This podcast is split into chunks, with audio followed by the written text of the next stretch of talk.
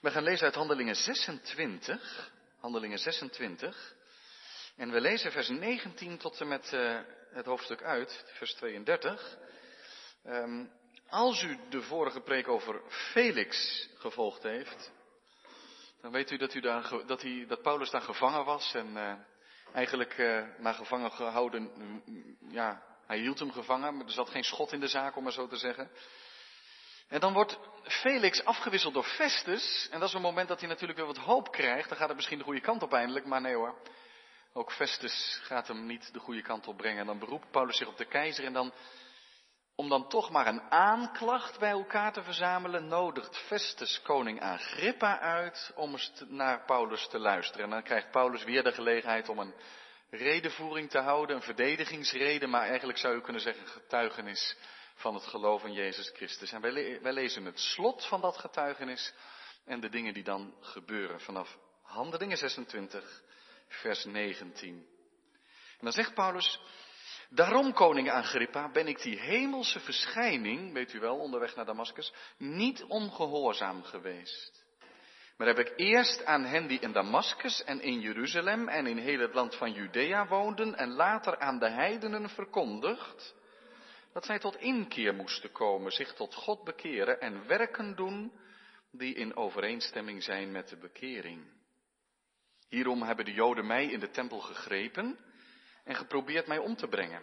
Maar door de hulp die ik van God gekregen heb, sta ik tot op deze dag als een getuige tegenover klein en groot en zeg ik niets anders dan wat de profeten en Mozes gezegd hebben dat er gebeuren zou. Namelijk dat de Christus moest lijden en dat hij als eerste uit de opstanding van de doden een licht zou aankondigen aan dit volk en de heidenen. En toen hij deze dingen ter verdediging sprak, zijn Festus met luide stem, u bent buiten zinnen, Paulus, uw grote geleerdheid brengt u buiten zinnen. Maar hij zei, ik ben niet buiten zinnen, zeer machtige Festus, maar ik spreek woorden van waarheid en van gezond verstand, want de koning heeft weet van deze dingen. Ik spreek daarom ook vrijmoedig tot hem, want ik ben ervan overtuigd dat niets van deze dingen hem ontgaan is. Het is immers niet in een uithoek gebeurd. Gelooft u koning Agrippa de profeten? Ik weet dat u ze gelooft. En Agrippa zei tegen Paulus, u overtuigt mij bijna om christen te worden. En Paulus zei, ik zou van God wel wensen dat, en bijna, en geheel, niet alleen u, maar ook allen die vandaag naar mij luisteren zouden worden zoals ik ben, uitgezonderd deze boeien. En nadat hij dit gezegd had, stond de koning op en de stadhouder Bernice en die, zij die bij hen zaten. En zij gingen terzijde, spraken met elkaar en zeiden, deze man doet niets wat dood of boeien verdient. En Agrippa zei tegen Festus, deze man had losgelaten kunnen worden, als hij zich niet op de keizer had beroepen. Tot zover lezen we Gods woord voor deze dienst. Zalig zijn zij die het woord van God horen en geloven en daaruit leven. Amen. De tekst voor de preek is Handelingen 26 en daarvan vooral vers 29, waar Paulus zegt, ik zou van God wel wensen dat en bijna en geheel, niet alleen u, maar ook allen die vandaag naar mij luisteren, zouden worden als ik ben, uitgezonderd deze boeien. Handelingen 26, vers 29. Gemeente van onze Heer Jezus Christus, jongens en meisjes, hier en thuis, er is best veel in het leven wat je half kunt doen. Je kunt half de vaatwasser uitruimen als je hem helemaal had moeten uitruimen. Dat gaat best. En it happens. Um, je kunt je half voorbereiden op een examen. Dat is natuurlijk moeilijk meetbaar, maar ieder, iedere jongere begrijpt wat ik bedoel. Je kunt je half inzetten voor je studie of je werk, of voor een club waar je bij hoort, of, of vereniging, of noem maar op.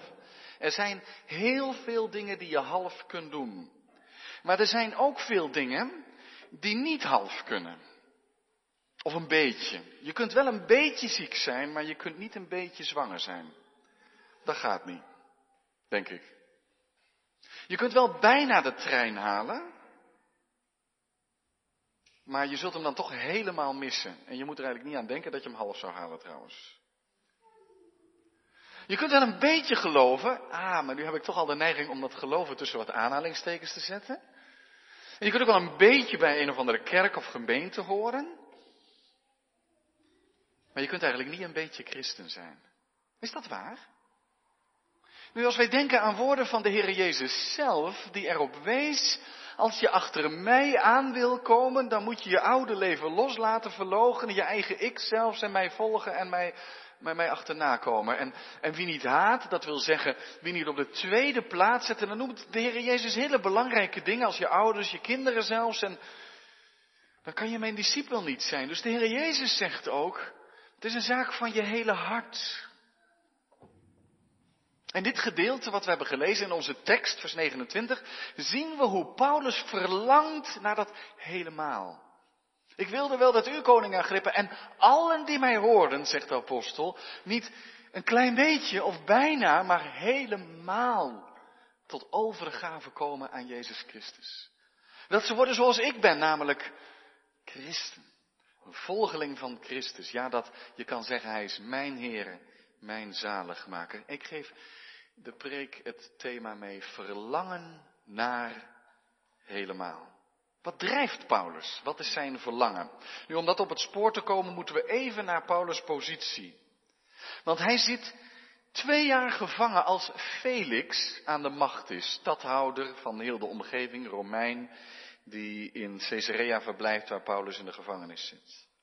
Maar na die twee jaar dat hij Paulus eigenlijk aan het lijntje houdt en de zaak niet verder brengt, is om moedeloos van te worden, gaat Felix weg. Dat is natuurlijk een, een spannend moment voor Paulus, want ja, dat zou wel eens een moment kunnen zijn dat die opvolger dan zegt, ja, wie zitten er hier allemaal gevangen? Hoe kan dat dat hij zo lang gevangen zit? En dan komt er toch weer schot in zijn rechtszaak.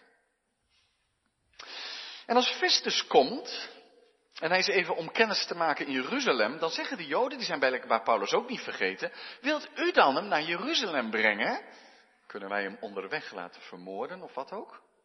Dus zij denken ook eindelijk komt de schot in de zaak. Maar Festus, en dat is heel goed dat hij dat zegt, nee hoor, als je wat hebt kom je maar naar Caesarea. Lijkt de goede kant op te gaan. En Paulus gedacht, eh, gedacht hebben, wie weet, met die Festus komen we een paar stappen verder. Maar als hij dan in Caesarea is en, en Festus heeft Paulus eens uitgenodigd van leg eens even uit, hoe zit, het, hoe zit de vork in de steel, waarom zit je gevangen? En Paulus legt dat uit en zegt Festus, nou wat zou je ervan vinden om naar Jeruzalem te gaan? De Joden willen dat en ja, dat kunnen we toch wel doen. En dan weet Paulus van, oh jongens, dat gaat hem niet worden. Ook Festus is precies zo'n Romein die toch niet tegen de Joden in wil gaan. Zo'n politiker die iedereen te vriend wil houden, vooral aan zijn eigen positie denkt. Niet alle politicus op één hoop, sorry. Maar deze wel. En dan weet Paulus, dit, uh, dit gaat niet goed komen. Dan zit ik straks weer twee jaar. En dan beroept hij zich op de keizer. Dan zegt hij, ik heb hier geen eerlijk proces. En de Heer Jezus, handelingen 23 vers 11, heeft hem aangesproken en gezegd, je zult ook in Rome van mij getuigen. En dan zegt hij, dan moet het maar zo. Dan beroep ik mij op de keizer en dat moet dan gebeuren. Maar Festus zit ermee. Die moet Paulus straks naar Rome sturen. En dan moet hij een briefje bij doen wat voor aanklachten er precies zijn. En waarom het niet in Caesarea afgehandeld had kunnen worden. En daar zit hij behoorlijk mee, want hij heeft eigenlijk geen echte aanklacht. En dan nodigt hij koning Agrippa uit, een van de nazaten van de Herodianen, die een niet zo vreed was als vele andere Herodianen en een goede band met het Joodse volk had, die ook de Joodse religie goed kent om hem eens te adviseren in deze kwestie. En zo zien we ze in de rechtszaal zitten. Koning Agrippa met een prachtig koninklijk gewaad. Hij heeft Bernice, zijn zuster, bij zich, met wie hij als vrouw samenleefde. En eh, nog wat hoge pieten, die ook meekomen luisteren en daar staat Paulus daar. Hij mag zijn zaak verdedigen. Maar ja, wat heeft hij te winnen? Niets. Wat heeft hij te verliezen? Ook niets. Want Festus die moet hem nu toch sturen. En Agrippa heeft hij ook niets van te verliezen. Het is allemaal onrecht waarom hij daar staat. En, zit, en toch staat hij daar niet te mopperen. Zo van, ja, jullie kan het wel weer vertellen. Maar jullie luisteren toch niet.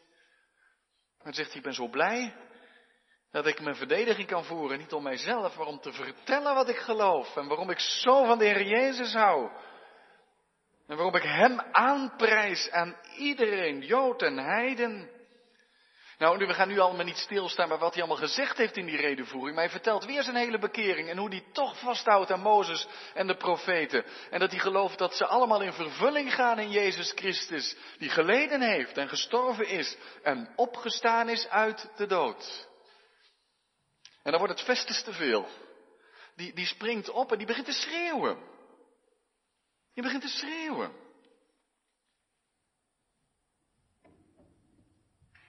Wat is dit, Paulus? Er zit een steekje los. Nu, daar komen we zo dadelijk bij. Maar eerst even dit. Paulus getuigt vrijmoedig voor de Romeinse procurator, de stadhouder en voor koning Agrippa, omdat hij een verlangen heeft. Een verlangen dat de Heer Jezus de eer ontvangt. Een verlangen dat mensen tot geloof komen, zich helemaal aan hem toevertrouwen de Heer Jezus gaan beleiden en zijn toekomst omarmen. Ik noem dat maar verlangen naar helemaal, begrijpt u? Dat je helemaal je toevertrouwt aan Christus. Dat je niet half-half aarzelt, blijft dralen, aarzelen, maar dat je je in zijn handen legt christen wordt, omdat half niet kan. Hoeveel mensen, zegt Paulus hier eigenlijk ook, zoals uw koning Agrippa, hinken op twee gedachten. Net zoals in de dagen van Elia, die ook tegen het volk Israël moest zeggen, hoe lang hinkt u nog op twee gedachten? Als je dan echt gelooft dat Baal God is, nou volg hem dan helemaal met heel je hart.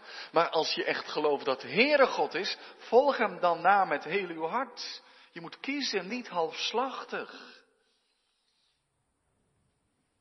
Is dat dan ook niet een vraag aan ons en u, aan jou? Kan het bij ons zo zijn dat het half is? Dat we proberen een half christen te zijn. Het kan niet net zo min als dat je maar half zwanger bent of half de trein haalt. Heb je je hart aan de Heer Jezus Christus verloren? Begrijp je je doop? Dat je niet van jezelf bent, maar het eigendom van Jezus Christus. Kun je avondmaal vieren? Omdat je zegt dat lijden en sterven van de Heer Jezus Christus niet een bijzaak in mijn leven, dat is het fundament. Daar put ik kracht en troost uit. Dat is mijn leven. Daar leef ik op. Natuurlijk heb ik meer in mijn leven, maar toch, dat is het fundament. Het is niet een van de trapleuningen waar ik me aan vasthoud. Het is het fundament waarop ik sta. Nu als Festus van Paulus hoort dat hij over de opstanding van Jezus Christus spreekt, waarom het natuurlijk echt om Jezus gaat, die de Heer van de wereld is en de wereld oordelen zal en die de redder is en je moet geloven. Ja, dan wordt het hem te veel, zoals ik al zei, en hij begint te schreeuwen. Paulus, is dit een draadje los bij je? Dit is te gek. Dat verzin je toch niet? Je bent dwaas als je dat gelooft. Het gaat er bij de Romein niet in dat iemand uit de dood zou kunnen opstaan. Dat gaat er werkelijk niet in. Maar dat hij zo zit te schreeuwen, dat hoeft toch niet? Dat heeft hiermee te maken dat Romeinen er bang voor zijn voor dat soort fanatieke gelovigen. Want als je echt gelooft dat iemand uit de dood is opgestaan, die alle macht heeft, dan, dan, dan is ongehoorzaamheid aan de Romeinse keizer nooit ver weg. Voelen we dat een beetje aan? Daarom ontstond er gaandeweg meer vervolging. Omdat ja, als je dat gelooft zoals Paulus dat doet, dan, dan raak je je grip op die man kwijt. Daarom is hij ook niet bang om zich op de keizer te beroepen. En hij, legt geen zak met geld op tafel om vrij te komen. Want hij weet, ik hoor bij Jezus Christus. Je hebt geen vat op zulke mensen. En daarom begint hij te schreeuwen. Het moet afgelopen zijn. Dit strijdt met alles wat Festus denkt, vindt en voelt. Ondertussen is Festus een vriend van velen vandaag. Die zeggen, als je dat gelooft, moet je nog eens aan je voorhoofd voelen. En daar van binnen is ergens kortsluiting geweest. Er zit vast een draadje los als je echt gelooft. Maar Paulus zegt, en hij blijft respectvol, machtige Festus. Ik spreek woorden van waarheid en van gezond verstand. Het is niet zo dat ik te veel boeken heb gelezen dat ik een beetje de draad kwijt ben geraakt. Of dat ik te lang in de gevangenis los ben geraakt van de wereld of zo, nee. En bovendien, koning Agrippa, die weet dat. Het gaat hier niet om uh, een soort uh, zweverigheid. Ik ben niet stoned of zo als christen. Het gaat hier om feiten. En die zijn niet ergens in een dorpje gebeurd, hè? Ja, dat is misschien wel begonnen in, in Galilea. Maar uiteindelijk is de Jezus in Jeruzalem veroordeeld, verworpen en gekruisigd. En koning Agrippa weet dat. Dat is toch niet aan u voorbij gegaan. Het is niet in een hoek gebeurd. In een uithoekje. En dan, dan, pakt Paulus even door. Dan zegt hij als hij Agrippa aankijkt, Agrippa, u weet dat toch? En dan zegt hij, ja, u, u heeft zo'n band met het Joodse volk. U gelooft toch ook in de profeten? En als je gelooft in de profeten, dan weet je dat doden kunnen opstaan. En dan kun je toch ook in de Heer Jezus geloven? U gelooft toch ook in de profeten? Ja, ik weet dat u ze gelooft. Paulus is vol vuur. Zet hij Agrippa, vindt u te veel onder druk? Sommigen zeggen dat. Nou, indringend is het zeker. Maar is dat ook niet wat bij het evangelie hoort? Het stelt je voor de keus. Je kunt wel denken dat je toeschouwer bent, zoals uh, Agrippa, een neutraal adviseur van Festus. Maar als je zo iemand die het evangelie predikt voor je krijgt, dan komt het er opeens op aan. En wat doet Agrippa? Agrippa laat het moment voorbij gaan. Weet je nog dat Felix dat ook deed? Ik word een beetje bang. Voor nu, ga maar weg. We hebben het er nog wel eens over. En hier Agrippa, die de profeten gelooft en hier de vervulling van de profetie gepredikt krijgt. En zegt, ja, maar in die hoek laat ik me niet zetten. Dan zegt hij, u overtuigt mij bijna christen te worden. Nu, dat is een, echt een zinnetje, ik vind het prachtig als het er zo had gestaan. Maar het is de vraag of dat het precies betekent. Andere vertalen, ik denk dat dat terecht is. Dat bijna moet je meer als heel snel vertalen. Je wil mij wel heel snel als christen laten optreden. Dat staat niet worden, maar doen. Dat is een theaterterm. Dat, dat Agrippa, die eigenlijk door Paulus een beetje in de hoek gedrongen wordt, zegt, ja, wacht eventjes, je kunt mij niet hier even laten optreden als christen in zo'n korte tijd. In die rol laat ik me niet drukken hier. En je weet natuurlijk niet, wat heeft Agrippa gevoeld? Heeft hij even het evangelie dichtbij voelen komen? Of is het pure spot waarmee hij dat zegt? Hoe dan ook, hij laat het moment voorbij gaan.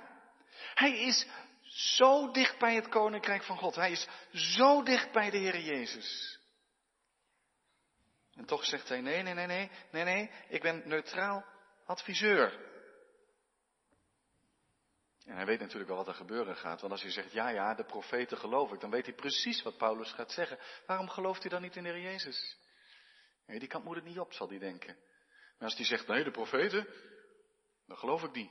Dat kan hij niet doen, want hij heeft zo'n goede band met de Joden. Het moment gaat voorbij. En ik denk dat het ook nooit weer teruggekomen is. Wat maakt het indringend, hè? Waar sta jij als jongere? Je bent er niet te jong voor, hè? Om ook nu, als je dit volgt, in je hart te zeggen, Heer Jezus, ik wil ook echt bij u horen, hoor. Helemaal. Helemaal. Dat je niet voor je uitschuift en wendt aan die prediking. Maar dat je juist op zo'n moment, dat je indringend uitgenodigd wordt om je hart aan Jezus te geven, dat ook met het daar doet. En wat doet Paulus dan? Die doet een stap terug en tegelijk een stap vooruit in onze tekst. Ik zou wel bidden, zegt hij voorzichtig. Hij gaat niet zeggen, u moet geloven. Maar oh, wat laat hij zijn verlangen hier blijken. Ik zou God wel bidden, want God is de enige die je hart echt kan openen. Dat je niet en maar bijna, maar helemaal tot God mag komen. Of, of niet in korte tijd tot christen, al zou je er iets langer over doen. Als je er maar komt. Tot echte overgave aan de Heer Jezus Christus. Want mensen, als je toch eens bedenkt wat Hij heeft gedaan. Wat Hij voor ons heeft geleden. Daar past maar één antwoord bij. Ja, Heer, neem mijn hele hart. En leer mij dan u te volgen. Verlangen naar helemaal. Ik wenste wel dat u allemaal zou worden zoals ik. He, zeg je dan? Zoals ik? Er zit weinig aantrekkelijks aan. Dat snap je als buitenstaander niet. Daar zit die man, die heeft zich op de keizer beroepen nadat hij oneindig vastzat, bij wijze van spreken, zonder perspectief op hoe dat verder moet. Ik wilde wel, ik gun het u dat u wordt zoals ik. En er zit daar Vestus, die heeft een behoorlijke machtspositie. Agrippa ziet eruit vol pracht en paal, kan alles doen wat hij wil. Ik wilde wel dat u zou worden als ik. En dan met een vleugje humor rammelt hij wat met zijn ketting en zegt, ja, behalve die boeien dan. Hij ontdooit de situatie wat, maar blijft indringend. Want Paulus zegt, als je mij vraagt, ik zou echt niet met u willen ruilen. Voor geen goud. Al bied je me alle macht in de wereld en alle luxe en genot. Wat is dat verlangen naar helemaal? Ik heb de Heer Jezus. En dan ben ik rijk. En dat gun ik u ook. Als je maar ziet wie Jezus Christus is. En gemeente, broeders en zusters, jongeren, het is echt waar. Als je probeert Jezus half te volgen, weet je wat je dan merkt? Dan merk je dat het alleen maar moeilijk is. Het is echt waar dat het makkelijker is, ja, moet ik misschien wat toelichten, maar toch beter en makkelijker om de Heer Jezus met heel je hart te volgen. Waarom? Als je de Heer Jezus half volgt, dan kost het moeite en je krijgt er geen vreugde bij. Maar als je je hart aan de Heer Jezus kwijtraakt, dan wordt het een vrolijkheid om op de Heer Jezus te gaan lijken. Zelfs als het moeilijk komt. Kijk maar naar Paulus. Dat is echt waar. Die zegt, ja, die boeien die gun ik niemand. Maar als je toch Jezus hebt, ja, dat is soms moeilijk in het leven. En je krijgt de vreugde van de Heer Jezus in je hart. Die je niet krijgt als je denkt, ja, het is een beetje veel hoor om helemaal te gaan. Maar juist de mensen die halverwege proberen te blijven steken, die missen de vreugde van de overgave aan Christus. Houdt u van proefabonnementen? Ik vind ze heerlijk. Ze kosten niet veel en je zit nergens aan vast. Hoe vaak hebben we al een proefabonnement op het christelijk geloof genomen en op God? Het is maar goed dat de Heer zelf geen proefabonnement op ons neemt. Heel ons hart en heel ons leven zongen wij.